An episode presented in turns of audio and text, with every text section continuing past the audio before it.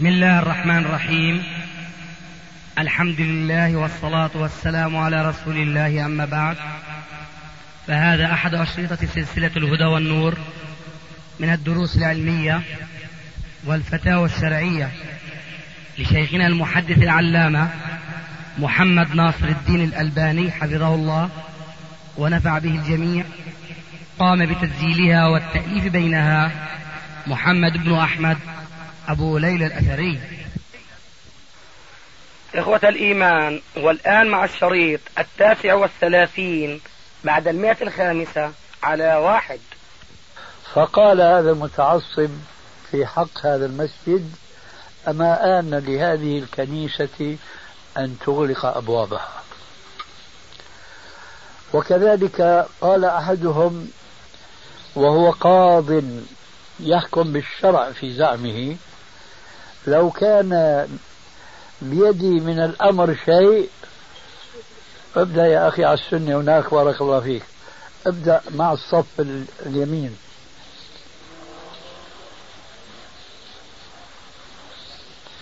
قال هذا القاضي لو كان بيدي من الأمر شيء لأخذت الجزية من الشافعية. وهكذا. لو أردنا الآن أن نطبق بعض الفروع الموجودة حتى اليوم في بعض هذه الكتب لم يصلي الشافعي وراء الحنفي ولا الحنفي وراء الشافعي لأن من متون الحنفية وتكره الصلاة وراء المخالف للمذهب. هل منكم من قرأ الفقه الحنفي أو الشافعي؟ حتى نناقشه في هذه القضية. تكره الصلاة وراء المخالف المذهب بل قد تبطل إذا عرف المصلي وراء الإمام أن وضوءه غير صحيح وضربوا على ذلك أمثلة. لو أن حنفيا رأى شافعيا توضأ وضوءا كاملا ثم مس امرأته هذا انتقض وضوءه. عفوا أنا أخطأته حنفي. توضأ ومس امرأة. وضوءه في المذهب الحنفي صحيح لكن في المذهب الشافعي فاسد. فأما هذا الحنفي الشافعي لا يرى صحة صلاة وراءه لأنه هذا الوضوء فاسد عنده. وعلى العكس تماما. لو أن حنفيا آه، توضأ وخرج منه دم هذا انتقض وضوءه في مذهبه. فالصلاة خلفه بالنسبة لمن يرى انتقاد الوضوء بالدم صلاة باطلة. فلو أن هذا الحنفي تبنى مذهب الإمام الشافعي بأن الدم مهما كان كثيرا وخرج فوضوءه صحيح ما بيصلي خلفه. كيف؟ لا أنا بقول الآن مذهبين بتكلم فيهم. الحنفي يرى خروج الدم ينقض الوضوء مهما كان كثيرا مهما كان قليلا. وإذا مس المرأة فوضوءه صحيح. وعلى عكس من ذلك الشافعي يقول مس المرأة ينقض الوضوء خروج الدم مهما كان كثيرا لا ينقض الوضوء. النجاة هو أن نركب سفينة النجاة سفينة السنة. اسمع الآن الجواب في السنة. قال عليه الصلاة والسلام في حق الأئمة يصلون بكم فإن أصابوا فلكم ولهم. وإن أخطأوا فلكم وعليهم. ما عاد في أوسع من هكذا. وبمثل هذا الحكم نعم؟ أيوة. أردت أن أقول نحو هذا المعنى. بمثل هذا الحكم ممكن تجميع المسلمين. أما والله أنت مذهبك كذا وأنا مذهبي كذا فهذه الفرقة التي نهينا عنها ولا تكونوا من المشركين. من الذين فرقوا دينهم وكانوا شيعا. كل حزب بما لديهم فرحون. لعلك أخذت الجواب إن شاء الله؟ فنسمع غيره.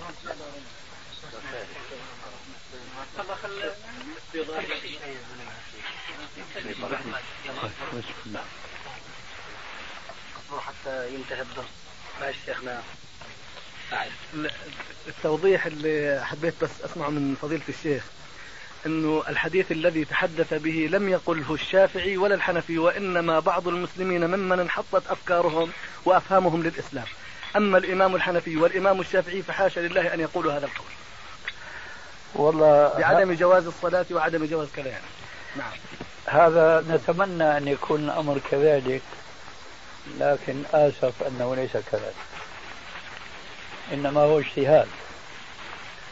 وبعدين أريد أن تكون معي فيما يأتي.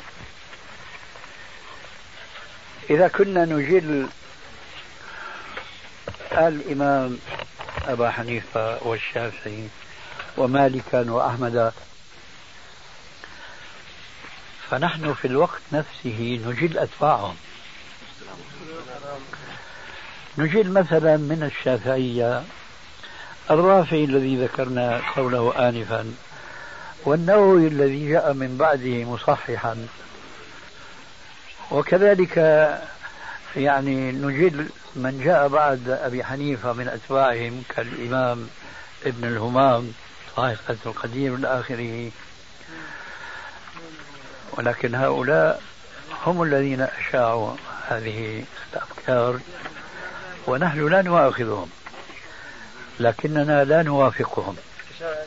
وهذا هو وهذا هو الفرق بين من يريد العدل والإنصاف أن لا يرفع الأئمة إلى مصاف زعم الشيعة في أئمتهم أي أن يرفعهم إلى مصاف العصمة ولا أنه يحط عليهم أيضا ويذمهم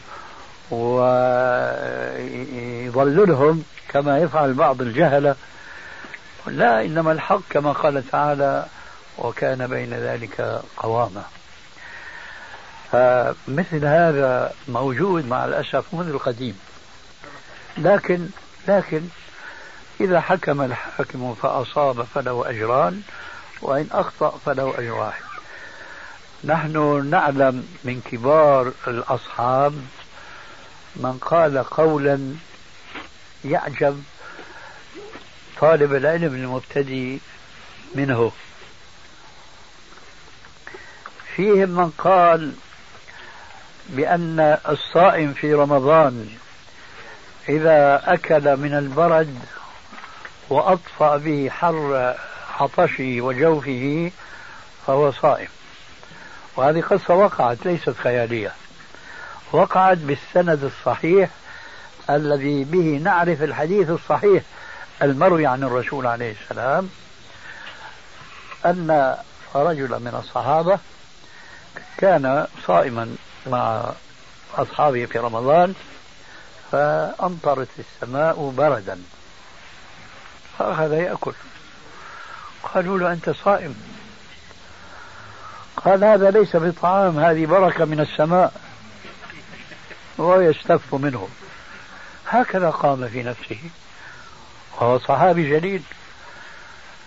لكنه مخطئ. لا نوافقه على فعله ولا نؤاخذه على فعله لأنه مجتهد. في أحد الخلفاء الراشدين ولا أسميه. من قال أن الرجل لو أجهد زوجته وأهلكها ثم لم ينزل فليس عليه إلا الوضوء. وهكذا توجد آراء غريبة جدا. عرفنا خطأها من صوابها بعد أن تجاوبت آراء العلماء وأدلتهم وأمكننا إجراء التصفية التي نحن نأمر بها دائما وأبدا. التصفية والتربية. حينئذ يمكننا أن نقول فلان أصاب فلان أخطأ وحينما نقول فلان أخطأ ما نعيبه. ولا نؤثمه بل نقول له أجر عند الله تبارك وتعالى. طيب غيره؟ تفضل. آه، ماذا تنصح طبعا بعد آه، بالنسبة للأئمة الأربعة ما دام لا نتبع مذهب معين ماذا تنصح بأن نتبع؟ إذا كان مثلا قد يؤدي مثلا إلى خلاف بين المسلمين بالنسبة للمذاهب الأربعة قد يكون إنسان متبع مذهب معين. ماذا تنصح بأن نتبع إن شاء الله؟ آه. جزاك الله خير هذا سؤال مهم الحقيقة. أنا جوابي على هذا السؤال مجمل ومفصل.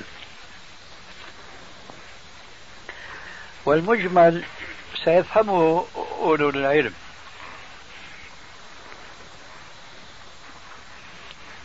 وهو أن نعود كما كان السلف الصالح. هذا هو المجمل.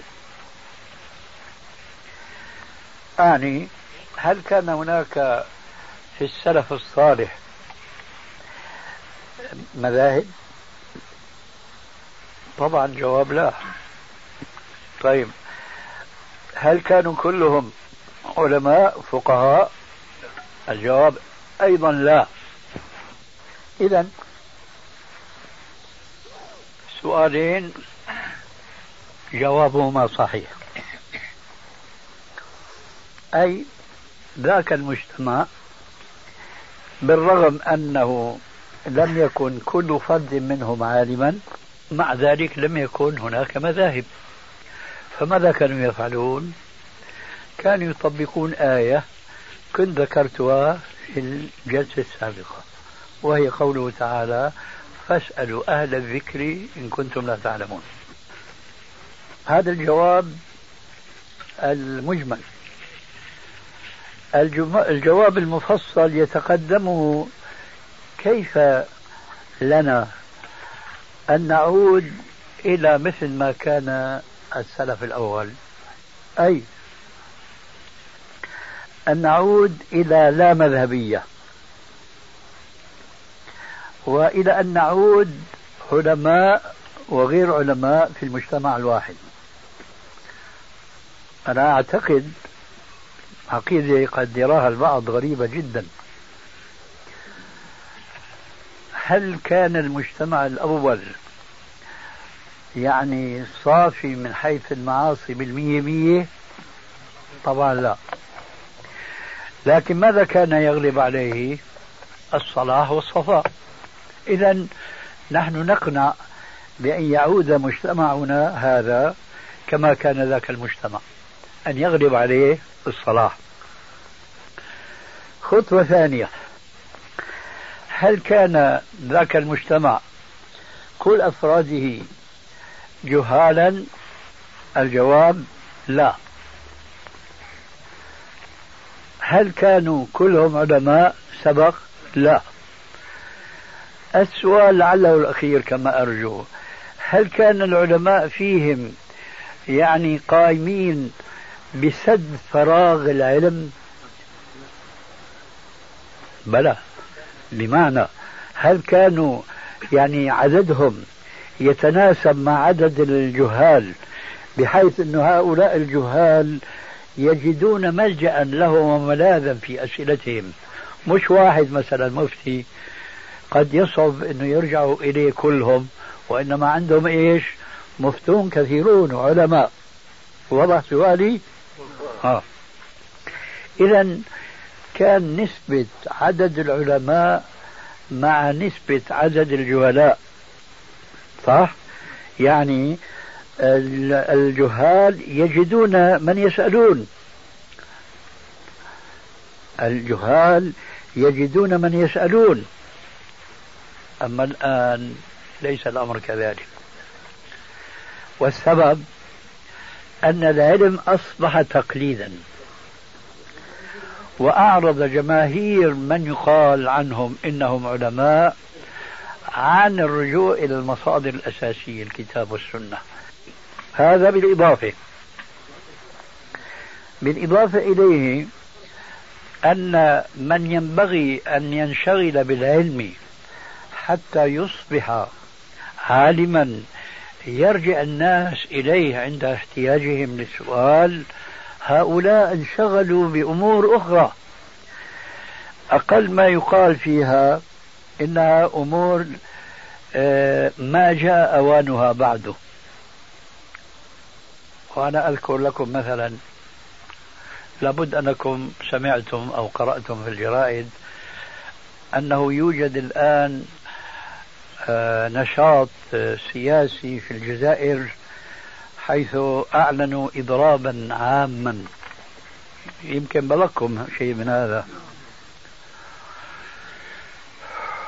أنا لا أؤيد هذا الإضراب لأسباب كثيرة وكثيرة جدا لكن الشاهد هو أن أقول لكم ما يأتي. هناك نحو خمس خمس ملايين من المسلمين متحمسين للإسلام. جمعني مجلس مع بعضهم هنا في عمان قريبا. فأنا أنكرت عليهم أن يشتغلوا الآن بالسياسة. وقلت لهم يجب أن تشغلوا أنفسكم بشيئين اثنين. العلم وأعني بصورة خاصة تصفية هذا العلم الموروث مما ليس منه من ذلك المثال السابق كراهة الصلاة وراء المخالف المذهب فضلا عن أمور أخرى كثيرة وكثيرة جدا. فتشغلون أنفسكم بالتصفية وبالتربية؟ تربية الجيل الناشئ الصاعد الآن على هذا الإسلام المصفى قلت لهم أنتم في الجزائر تعدون نحو ثلاثين مليون مسلم. ترى الأطباء الذين يعالجون أمراضكم المادية. هم يعني بالمئات ولا بالألوف المؤلفة؟ قالوا طبعا في الألوف المؤلفة. قلت هل عندكم ألوف مؤلفة من العلماء؟ إذا احتجتم أن تسألوهم عن طريقة إقامة الدولة المسلمة وعن الأحكام المتعلقة بأشخاص بصلاتهم عبادتهم علاقتهم مع بعضهم البعض الزوجين الأولاد إلى آخره. في عندكم علماء بنسبة العدد؟ ولا ما في عندكم مئة عالم؟ قالوا الواقع ما في عندنا. إذا كيف تريدون أن تستبقوا النتائج وأن تقيموا الدولة المسلمة وأنتم بعد لم تحققوا حكمة لأحد الدعاة الإسلاميين في العصر الحاضر؟ أنا كنت أقول لو كان هناك وحي بعد رسول الله صلى الله عليه وسلم قلت هذا من الوحي. أقيموا دولة الإسلام في قلوبكم تقم لكم في أرضكم. الشاهد من هذا كله الجواب التفصيلي أنه ينبغي العودة إلى تحقيق المجتمع ذاك المثالي. الجيل الذي لا يمكن أن يكون مثله ولكن الأمر كما قيل فتشبهوا إن لم تكونوا مثلهم. إن التشبه بالكرام فلاح ولريثما يأذن الله تبارك وتعالى لأن يعود المسلمون أو على الأقل أن يعود بعض المسلمين إلى مثل ذاك المجتمع وهذا لابد منه. وإنه لحق مثل ما أنكم تنطقون. أما الملايين المملينة من المسلمين كلهم يعودوا إلى هذا النهج السليم الله على كل شيء قدير لكنه بعيد عما ينبينا عنه الواقع. فالقصد إلى ريثما أن يعود المسلمون إلى تحقيق ذلك المجتمع الذي سيقضي على الفرقة المذهبية وعلى التكتلات الحزبية بصورة كما يقولون اليوم أوتوماتيكية لأنه التاريخ يعيد نفسه. في الإسلام الأول ما في مذاهب ما في طرق ما في أحزاب ما في أي شيء. إلى ريثما يعود هذا المجتمع المفروض علينا إقامته. أنا أقول حينئذ لا بد لكل مسلم من أن يدرس مذهبا من المذاهب الأربعة إذا كان يريد أن يطلب العلم. ولكن بشرط واحد ألا يجعل دراسته لمذهب من هذه المذاهب دينا. لأن الدين كما نعلم جميعا بنص القرآن الكريم إن الدين عند الله الإسلام. وأريد أن أقول هنا للمتعصبة لا يوجد هناك مذهب يمثل الإسلام كل الإسلام. وإنما المذاهب بمجموعها تمثل الإسلام. واضح؟ آه. فإذا أنت تعصبت لمذهب بتعصبك هذا ضيعت قسما كبيرا من الإسلام لأنه المذاهب الأخرى لا يمكن أن نقول إنها خالية من الإسلام كما أننا لا نستطيع أن نقول أن هذا المذهب الذي أنا نشأت عليه هو كل الإسلام فأنا ضربت لكم مثلا آنفا أنه أنا ألباني ابن ألباني والألبان مثل أتراك لا يعرفون الإسلام إلا أنه المذهب الحنفي. لكن أنا بفضل الله عز وجل عرفت أنه المذهب الحنفي لا يمثل الإسلام من ألفه إلى يائه وكل المذاهب هكذا. فضلا عن المذاهب الخارجة عن دائرة السنة. إذا اطلب العلم بطريق مذهب من المذاهب لكن ضع نصب عينك أن تصل إلى اتباع الحق حيثما كان. وهذا اليوم ميسر ومذلل بسبب هذه المطابع التي أصبحت تقدم إلى الناس.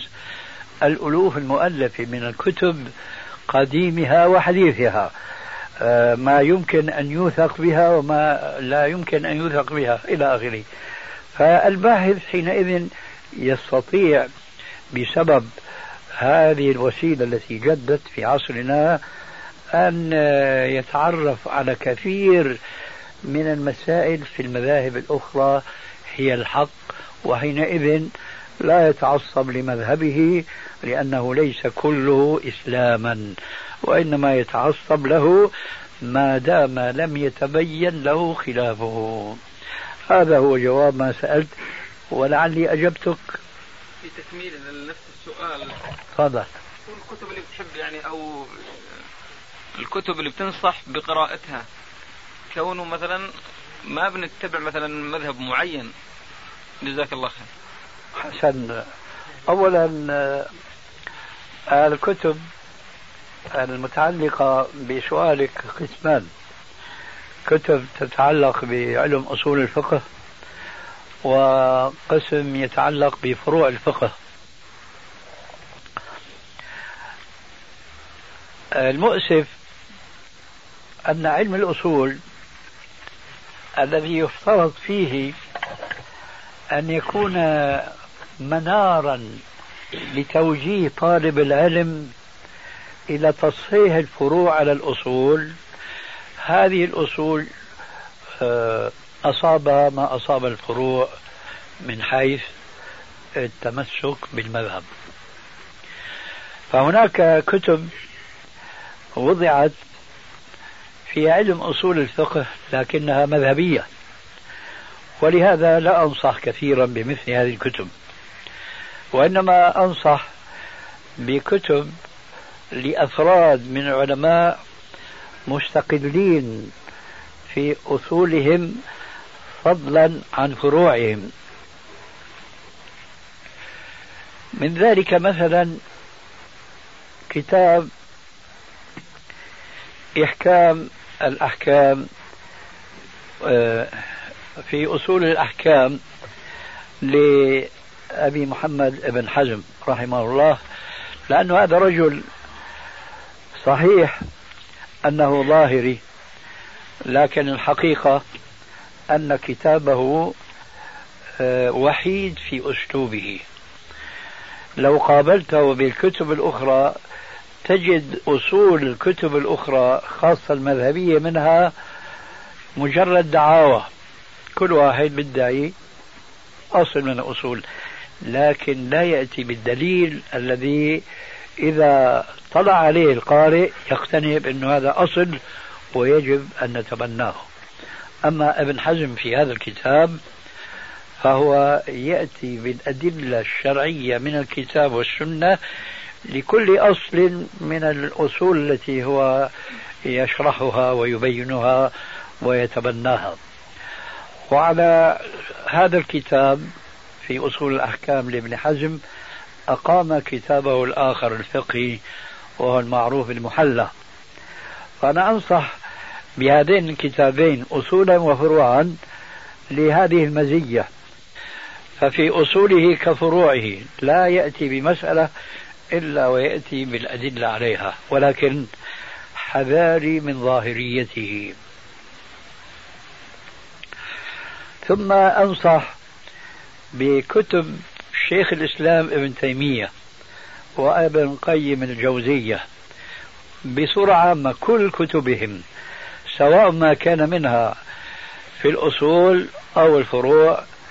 ومن أحسن هذه الكتب التي تجمع بين بعض الأصول والفروع كتاب إعلام الموقعين عن رب العالمين لابن قيم الجوزية.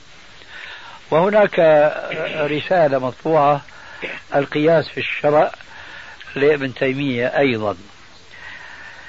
وكتبهم الأخرى هي في الواقع أصح ما يمكن أن يجد المسلم يعني من المسائل والأفكار والآراء سواء ما كان منها متعلقا بالعقيدة أو ما كان متعلقا بالعبادة أو بالسلوك.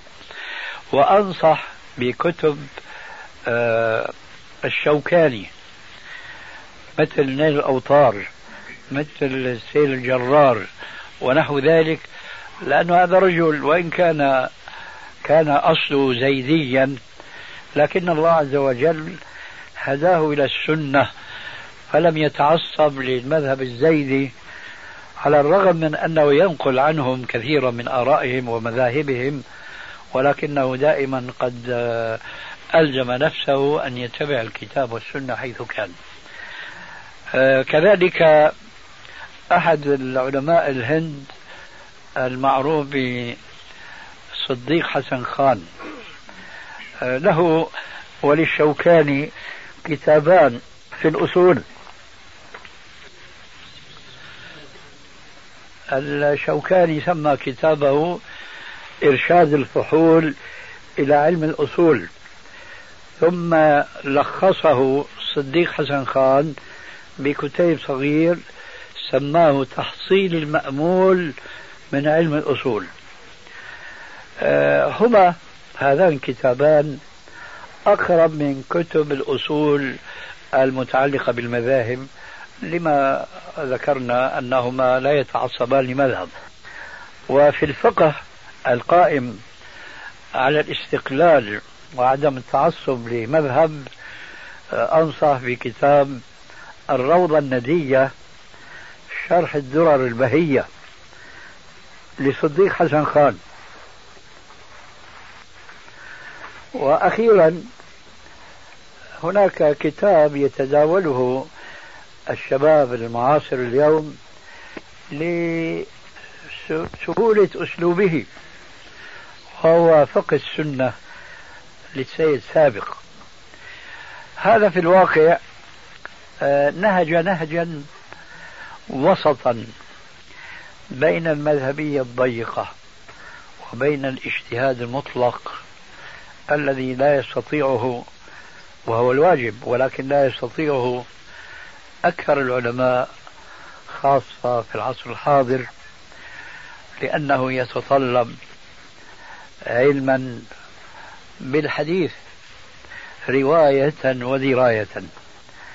فهو نهج نهجا وسطا فلا هو مذهبي ولا هو مجتهد مطلق لكنه الحقيقة فتح الباب الذي كان مغلقا ومنصوص على إغلاقه. في حاشية ابن عابدين أن باب الاجتهاد أغلق في القرن الرابع. هكذا جاء في حاشية ابن عابدين. فهو فتح هذا الباب. السيد سابق في كتابه فقه السنة فتح باب الاجتهاد لأن هذا الكتاب ما راعى فيه. فتح هذا الباب. السيد سابق في كتابه فقه السنة فتح باب الاجتهاد لأن هذا الكتاب ما راعى فيه مذهبه الذي يبدو من بعض مسائله أنه شافعي المذهب لا ولا راعى في ذلك مذهب الحنفية وإنما ما غلب على ظني أنه صواب وضعه في هذا الكتاب مع أنه أحيانا يعني بيذكر هو يعني المذاهب ولا يبين الصواب فيها فمن الناحية يترك القارئ في هذه المسائل حيران لا يدري إلى أي شيء يذهب. وأنا لاحظت هذا في كتابه. أه وجدت فرصة سنحت لي فوضعت عليه جزءا كنت سميته بتمام المنة في التعليق على فقه السنة وهو مطبوع الآن في جزء أه وصل فيما أذكر إلى كتاب الصيام. ونرجو من الله عز وجل أن ييسر لنا التمام هذا ما عندي من الجواب. نمشي يا أستاذ صارت الساعة 11 دقيقتين. الساعة 11 بارك الله فيك. 11 وربع كمان. إحنا أخرنا العشاء على أساس إنه ياخذ الشباب بس وقتهم ولكن إن شاء الله العشاء الآن جاهز يعني. يعني على حسابنا. معلش هذا هذا خير لي. سؤال يا شيخ قبل أن نبدا العشاء. شيخ توضيح السؤال اللي سأله قبل قليل للشيخ ولكن يعني توضيح. بالنسبة للأئمة يعني مثلا القنوت في الصلوات نعلم أن الرسول صلى الله عليه وسلم قنت في الصلوات الخمس في النوازل ولم يحدد صلاة بعينها للقنوت. ولكن بعض الأئمة يقنتون دائما في صلاة الفجر. دائما. وإذا قلت لهم أن السنة أن يقنت أنه الرسول صلى الله عليه وسلم قنت في النوازل وفي الصلاة الخمس قالوا ولكن الشافعي. وإذا قلت لهم قالوا ابن عباس سئل استدلال الشافعي على أن ابن عباس سئل وقال قنت الرسول صلى الله عليه وسلم الفجر أبدا. هذا في الحديث. فما ردك على هذا؟ هل جزاك الله خيرا هل نتبعهم في رفع الأيادي ونقنت وراءهم أم يعني اتباعا الإمام ليؤتم جعل الإمام ليؤتم به أم نتركها لأن الرسول صلى الله عليه وسلم لم يفعلها؟ سؤالك مفهوم ولكن فيه بعض الأخطاء يجب تصحيحها لكن لعلي أنا أسأت فهما وقد يكون غيري أساء نطقا فبدنا نشوف بقى أظن أنا نستشرط إيش حديث ابن عباس؟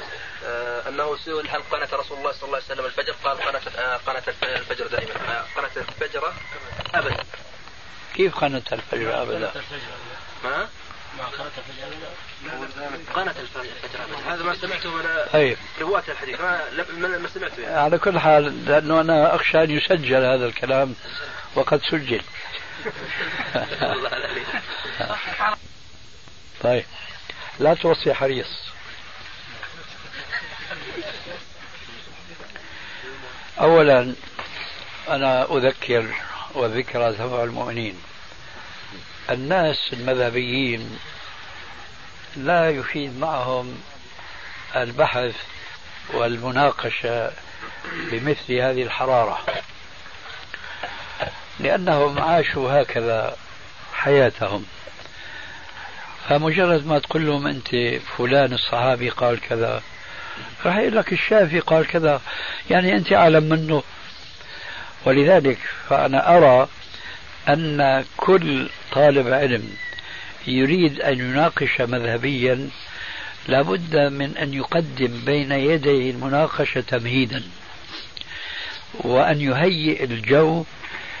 لا أقول ليتقبل المذهبي رأيه وحكمه بل لكي لا يعود خصما له. هذا على الأقل. مفهوم كلامي؟ يعني الذي يريد أن يدعو المذهبيين إلى اتباع السنة هو يرجو منهم شيئين اثنين. أحدهما اتباع السنة وهذا صعب جدا. الثاني ألا يتخذك خصما وهذا سهل. فما هو السبيل؟ هو كما قال تعالى ادع إلى سبيل ربك بالحكمة والموعظة الحسنة وجادلهم بالتي أحسن. فالآن أنا أتصور أمامي مذهبي متعصب لمذهبه وأصلي خلفه وأراه دائما يخنت يخنت هل أنا في في هالبرهة اللي ابتليت أقول ابتليت بالصلاة خلفه؟ وهو يخالف السنة التي أنا أؤمن بها. هل يعني هيأت بيني وبينه جوا حتى أدخل معه في مثل هذا النقاش الذي قد يصدم فورا؟ إن كنت هيأت هذا الجو فيسمح لي بأن أدخل معه في هذا الموضوع في هذه الجزئية بخاصة. وإلا فبدل أن نناقشه في هذه الجزئية أناقشه في المبدأ وبطريقة بعيد عن مهاجمته في شخصه. هذا أنا أنصح من يدعو إلى اتباع السنة بهذه النصيحة التي لا بد منها. لكن جوابا عن سؤالك أقول أولا التزام القنوت في في الفجر دائما وابدا في نازلة أو ما في نازلة وإن كان المسلمون مع الأسف في كل يوم هم في نازلة. هذا ليس له أصل في السنة الصحيحة لكن بارك الله فيك. أنت ما تستطيع أن تقنع المتخرجين من كلية الشريعة بل الدكاترة الذين يدرسون في كلية الشريعة ما بتقدر تقنعهم على خلاف مذهبهم. فضلا أن تقنع عامة المسلمين هؤلاء. ولذلك المسألة تحتاج إلى شيء من التأودة والأنات والروية وإلى آخره. فأنا أقول لكن تصور من الذي سيفهم ما أقول؟ من هؤلاء الأئمة الذين ليس عندهم يعني ما يفترض أن يكون فيه من العلم ليس بالكتاب والسنة. وإنما بالفقه التقليدي. أكثر الأئمة اليوم مع الأسف وظيفة كأي وظيفة في أي دائرة من الدوائر. حتى أن بعضهم لا يحسن قراءة قرآن لا يحسن قراءة الفاتحة. المهم تصور الآن أمامي أنا رجل متمذهب فأقول له يا أخي هذا القنوت في الفجر صحيح قال به الإمام الشافعي لكن الحديث الذي استند إليه حديث غير صحيح لأنه رواه الحاكم في المستدرك من طريق أبي جعفر الرازي عن أبي العالية عن أنس بن مالك قال قال رسول الله صلى الله عليه وسلم ما زال رسول الله صلى الله عليه وسلم يقنت في صلاة الفجر حتى فارق الدنيا. وقال الحاكم صحيح الإسناد لكن رده الذهبي بأن أبا جعفر الرازي هذا ليس بالقوي في الحديث. فإذا هذا الحديث ضعيف لا يجوز العمل به. حيفهم عليه ما يفهم عليه يمكن يجابهني إما صراحة أو تلويحا. إيه أنت أعلم من الإمام الشافعي؟ لا والله أنا مالي أعلم منه. لكن أنا جمعت علمه إلى علم الأئمة الآخرين. يمكن بهالمسألة بطلع أنا أعلم منه. لكن ليس الفضل لي. الفضل للأئمة الآخرين الذين أنا استنجدت بعلمهم. وبعدين بجي بقول له يوجد هناك حديث آخر عن أنس بن مالك رواه ابن خزيمة في صحيحه بإسناد صحيح عن أنس بن مالك رضي الله عنه. نفسه اللي روى عنه الحديث الضعيف قال ما كان رسول الله صلى الله عليه وسلم يقنت إلا إذا دعا لقوم أو على قوم. هذا بدك رجل دكتور متخرج من كلية الشريعة وهات يتجاوب معك أو بالغالب ما راح يتجاوب معك. ولذلك فالمسألة تحتاج إلى شيء من رحابة الصدر ومن طولة البال مع إيش؟ بسطة في العلم. فإذا هذا الذي يقنت في صلاة الفجر أنت تقنت معه وتفعل فعله ولك أجر صلاة كاملتان لأن الرسول قال يصلون بكم فإن أصابوا فلكم ولهم وإن أخطأوا فلكم عليهم.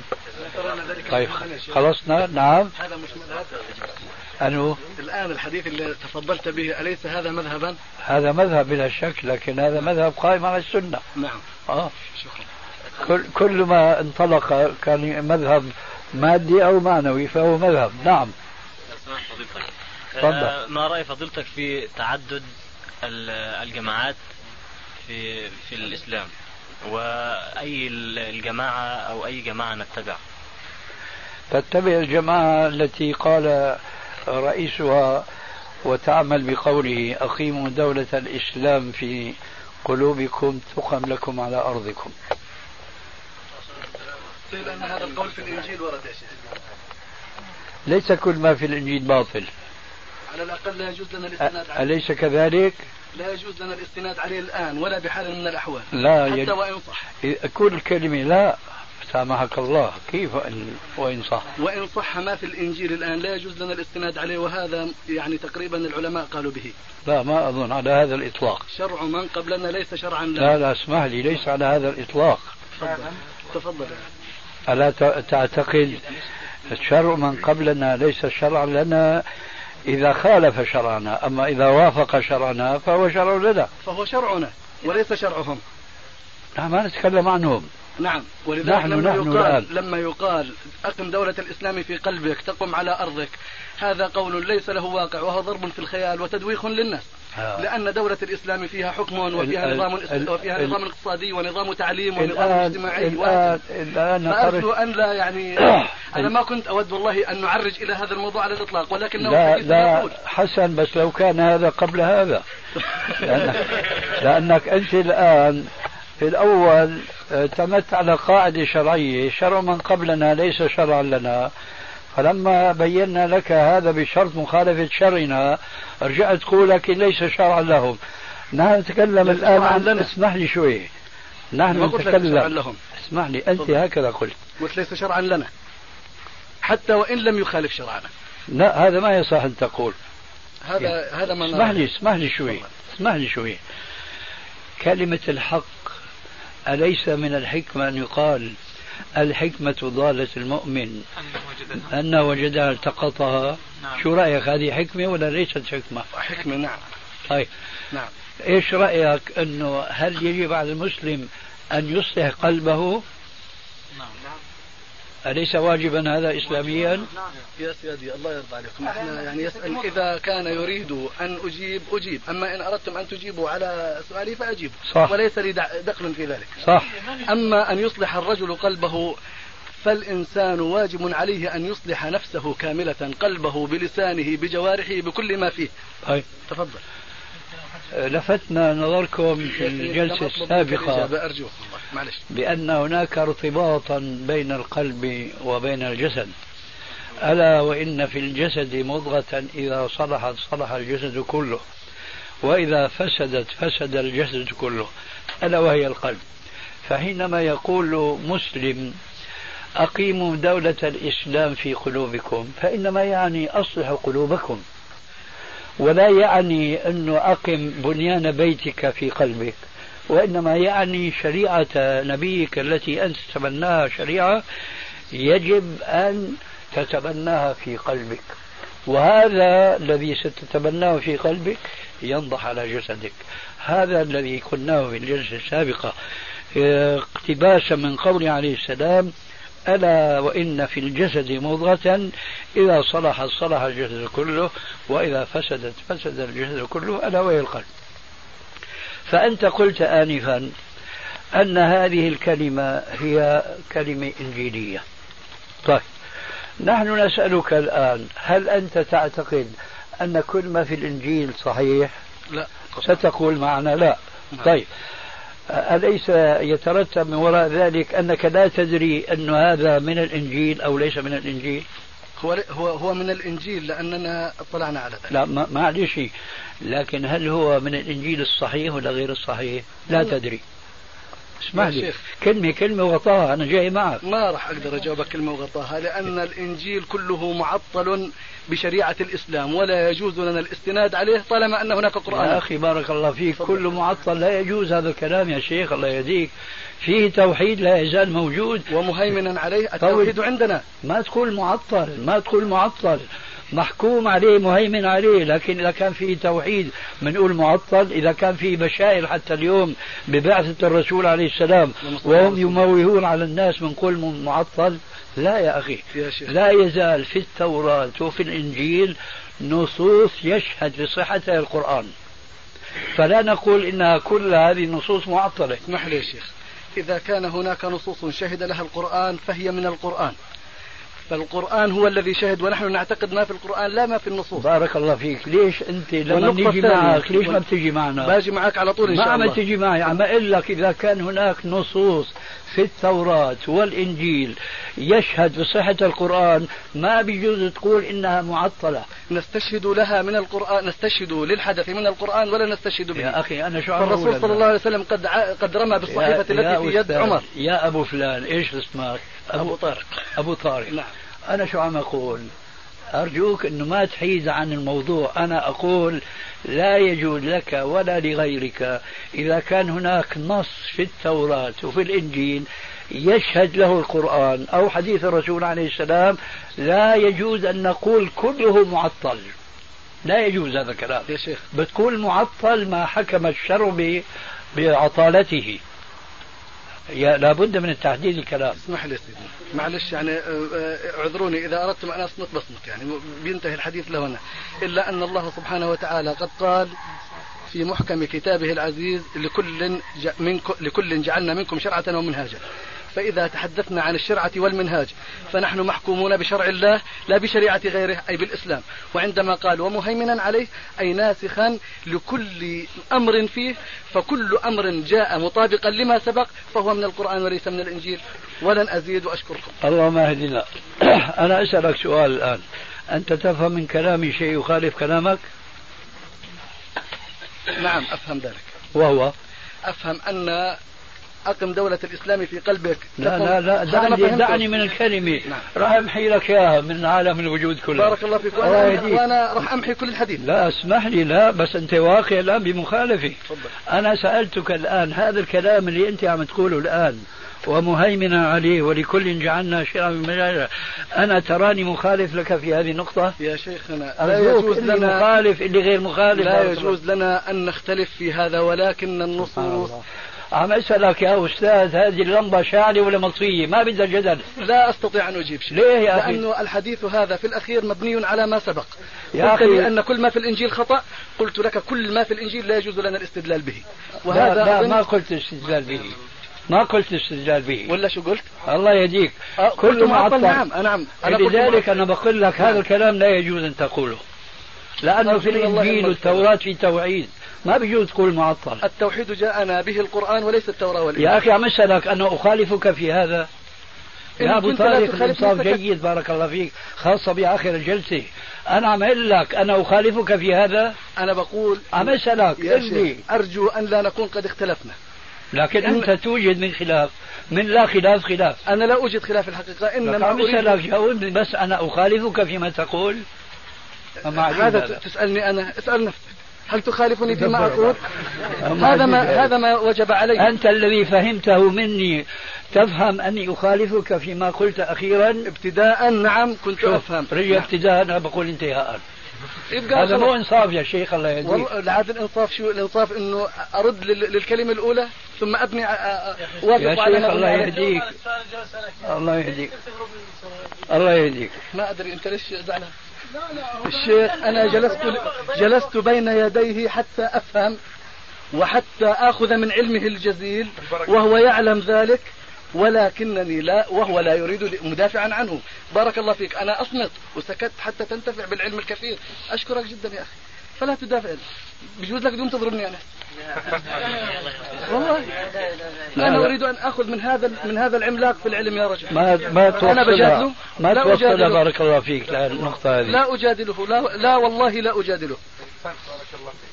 على كل حال يجب أن نفهم بعضنا وننصح بعضنا. أنا لا أزال أقول أن كلمتك السابقة خطيرة ومخالفه للشريعة. قولك أن كل ما في التوراة والإنجيل معطل هذا لا يجوز أن يقول أن يقوله مسلم. وإنما تقول كما قلت آنفا وسألتك أنا تراني مخالف يا أخي أنا كلامك الأخير أنا أدعو الناس إليه ولا مؤاخذة بدك هلا لي أنت أنا أقول يعني أبو طارق يقول كذا وكذا وتحطني أنا أنا ما بقول كذا وكذا. أنا الآن أقول لك وأكرر على مسامعك لا يجوز لك أن تقول كل ما في التوراة والإنجيل معطل. أما أن تقول أنه الإسلام مهيمن عليه هذا الذي نعيشه وندين الله به. وهذا ما قصدته. هذا ما قصدته نعم. ولكن الذي لفظته غير ما قصدته. فيجب أن ترجع عن هذه العبارة. وبخ... وبخاصة بخاصة لما بسألك سؤال واضح كالشمس في رابط النهار. تراني أنا بخالفك في هذا الذي تقول؟ ما بجاوب. لا نجيب ما بيكون التفاهم هكذا. هي على كل وضحت المسألة شيخنا يعني أقر جزاه الله خير إنه أي الله يجزينا خير اللفظ لم يسعفه فالقصد واحد إن شاء الله. الحمد لله. ذلك ما نبغيه. مثلا من من إيضاح فضيلتك إن الدين ليس دين جماعات. جماعات؟ تقصد يعني أحزاب؟ أيوه. طبعا. طبعا ليس في الدين أحزاب. كل حزب بما لديهم فرحون. أنت تؤمن بالحزبية؟ لا طبعا. الحمد لله اتفقنا. هذا جزاكم الله. هذا أقرب طريق. ثم نحن نرى هذه الجماعات كلها. يعني على النظام العسكري في بعض البلاد يقول الضابط والسرية هي تمشي آه، بالنظام العسكري. بيقول لهم مكانك راوح بتموا عم يضربوا. عم يتحركوا. ولكن مكانك راوح ما في تقدم. فأرجيني حزب من الأحزاب الموجودة اليوم. هل عمره 30 50 سنة 60 70 سنة جاءونا بشيء؟ ما في شيء أبدا إلا مكانك راوح ما أقصد الحزب. اقصد ما تقصد الحزب فأنا لا أقصد معك الحزب. إذا ماذا تقصد؟ الجماعات الإسلامية. ما في جماعات إسلامية غير حزبية. جماعات إسلامية غير حزبية ما في. وإن شئت وما تخاف إنه الأرض تكون مسكونة.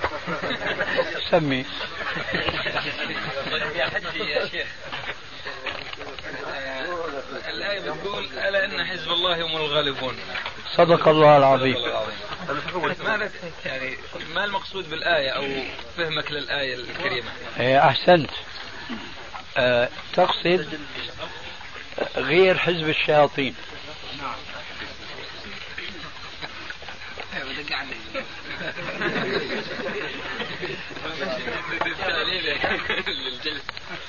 حزبين حزب الرحمن وحزب الشيطان. فما الذي عمي عليك من هذه العبارة؟ ألا إن حزب الله هم الغالبون؟ هو حزب الرحمن. ما في هنا غير حزبين. ولذلك قال تعالى ولذلك فأنا أنصح كل مسلم أن لا يتتبع المتشابهات من النصوص والآيات. ربنا يقول ولا تكونوا من المشركين من الذين فرقوا دينهم وكانوا شيعا. كل حزب بما لديهم فرحون. إذا هذه الآية صريحة في إنكار التشيع والتحزب لأنه الواقع يشهد بأن هذه الآية مطبقة اليوم. كل حزب بما لديهم فرحون. أما إن ألا إن حزب الله هم الغالبون ما شاء الله. لا شك. أنا أسألك الآن كما سبق أن تساءلنا وتجاوبنا وتفاهمنا والحمد لله أليس كذلك؟ أه هل كان في عهد الرسول عليه السلام الآية صادقة ألا إن حزب الله هم الغالبون؟ في عهد الرسول. آه هذا هو الجواب بداهة. طيب في حزب ثاني ولا لا؟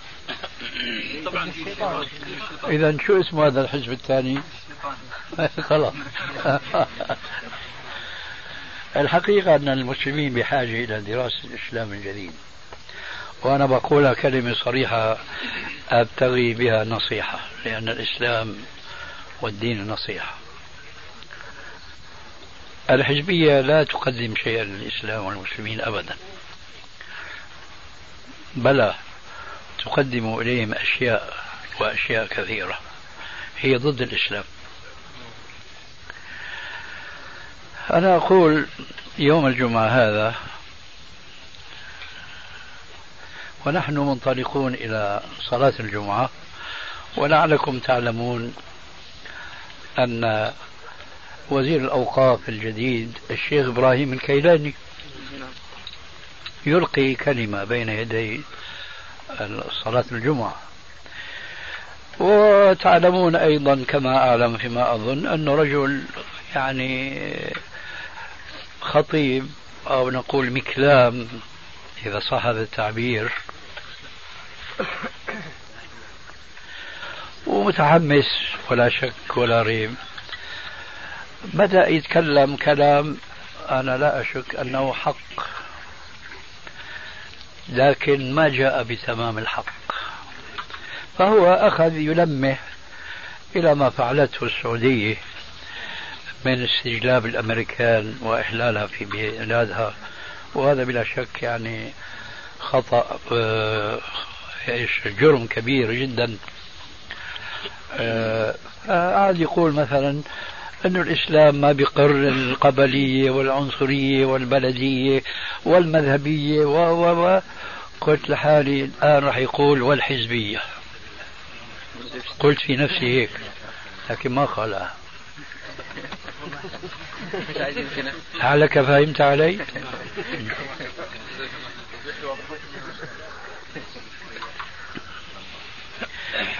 الآن هل تستطيع أن تنكر آه، أن الإخوان المسلمين حزب؟ قلها. لا ما تكلموا. أبو طارق كان معه الحق حينما نرفز حينما بعضكم تكلم. لازم تتركوا الإنسان يجيب بنفسه عن نفسه. هل تستطيع أن تنكر أن الإخوان المسلمين حزب؟ لا. هل تستطيع أن تنكر أن حزب التحرير حزب؟ لا. قد يمكن أن تنكر الأول أما الثاني لا لأنه اسمه من الاسم. نعم. حزب التحرير. من اسمه من اسمه. فماذا تفعل؟ هؤلاء حزب وهؤلاء حزب. فأيما الحزب الغالب؟ وكل يدعي وصلا بليلى وليلى لا تقر له بذاك. ففروا إلى الله. هذا هو الحل. نعم. ما رأيك بأمة الدعوة؟ هذا اسم جديد علي وأظن أنك تعني اسم قديم. جماعة التبليغ. جماعة بالإسلام. ثاني جماعة تبليغ نعم. أنا لسه ما اقتنعت أنه جماعة التبليغ حزب والحمد لله. ها كويس؟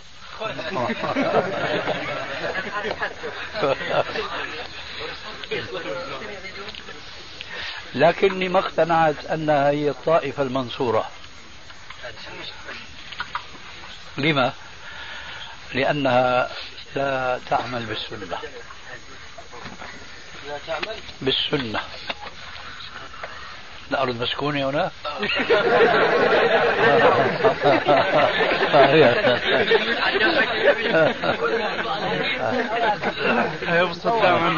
هم في البداية سيدي بيقولوا إن نجاحنا وفلاحنا في الدنيا والآخرة باتباع أمر الله واستعانة بارك الله فيك. أنا بدي أرجع هون للشيخ هلا لأنه نعم. هو اللي سمعنا الكلمة هي. نعم. آه. وبريد ذكره أنه نحن ما في بيننا وبين أي طائفة أو أي حزب عداء أبدا. إخوة الإيمان تتمة الكلام في الشريط التالي. والسبب أن دعوتنا أشمل من كل دعوة على وجه الأرض. هدون أخوان هدون تحرير هدون تبليغ إلى آخره. نحن نقول قال الله قال رسول الله فمن من المسلمين يستطيع يتبرأ من دعوتنا؟ لا أحد. ولكن يتبرأ الكثيرون من دعوتنا. اسمعوا هذه الكلمات المتناقضات ثم وفقوا بينها. أنا أقول لا أحد يستطيع أن يخالف.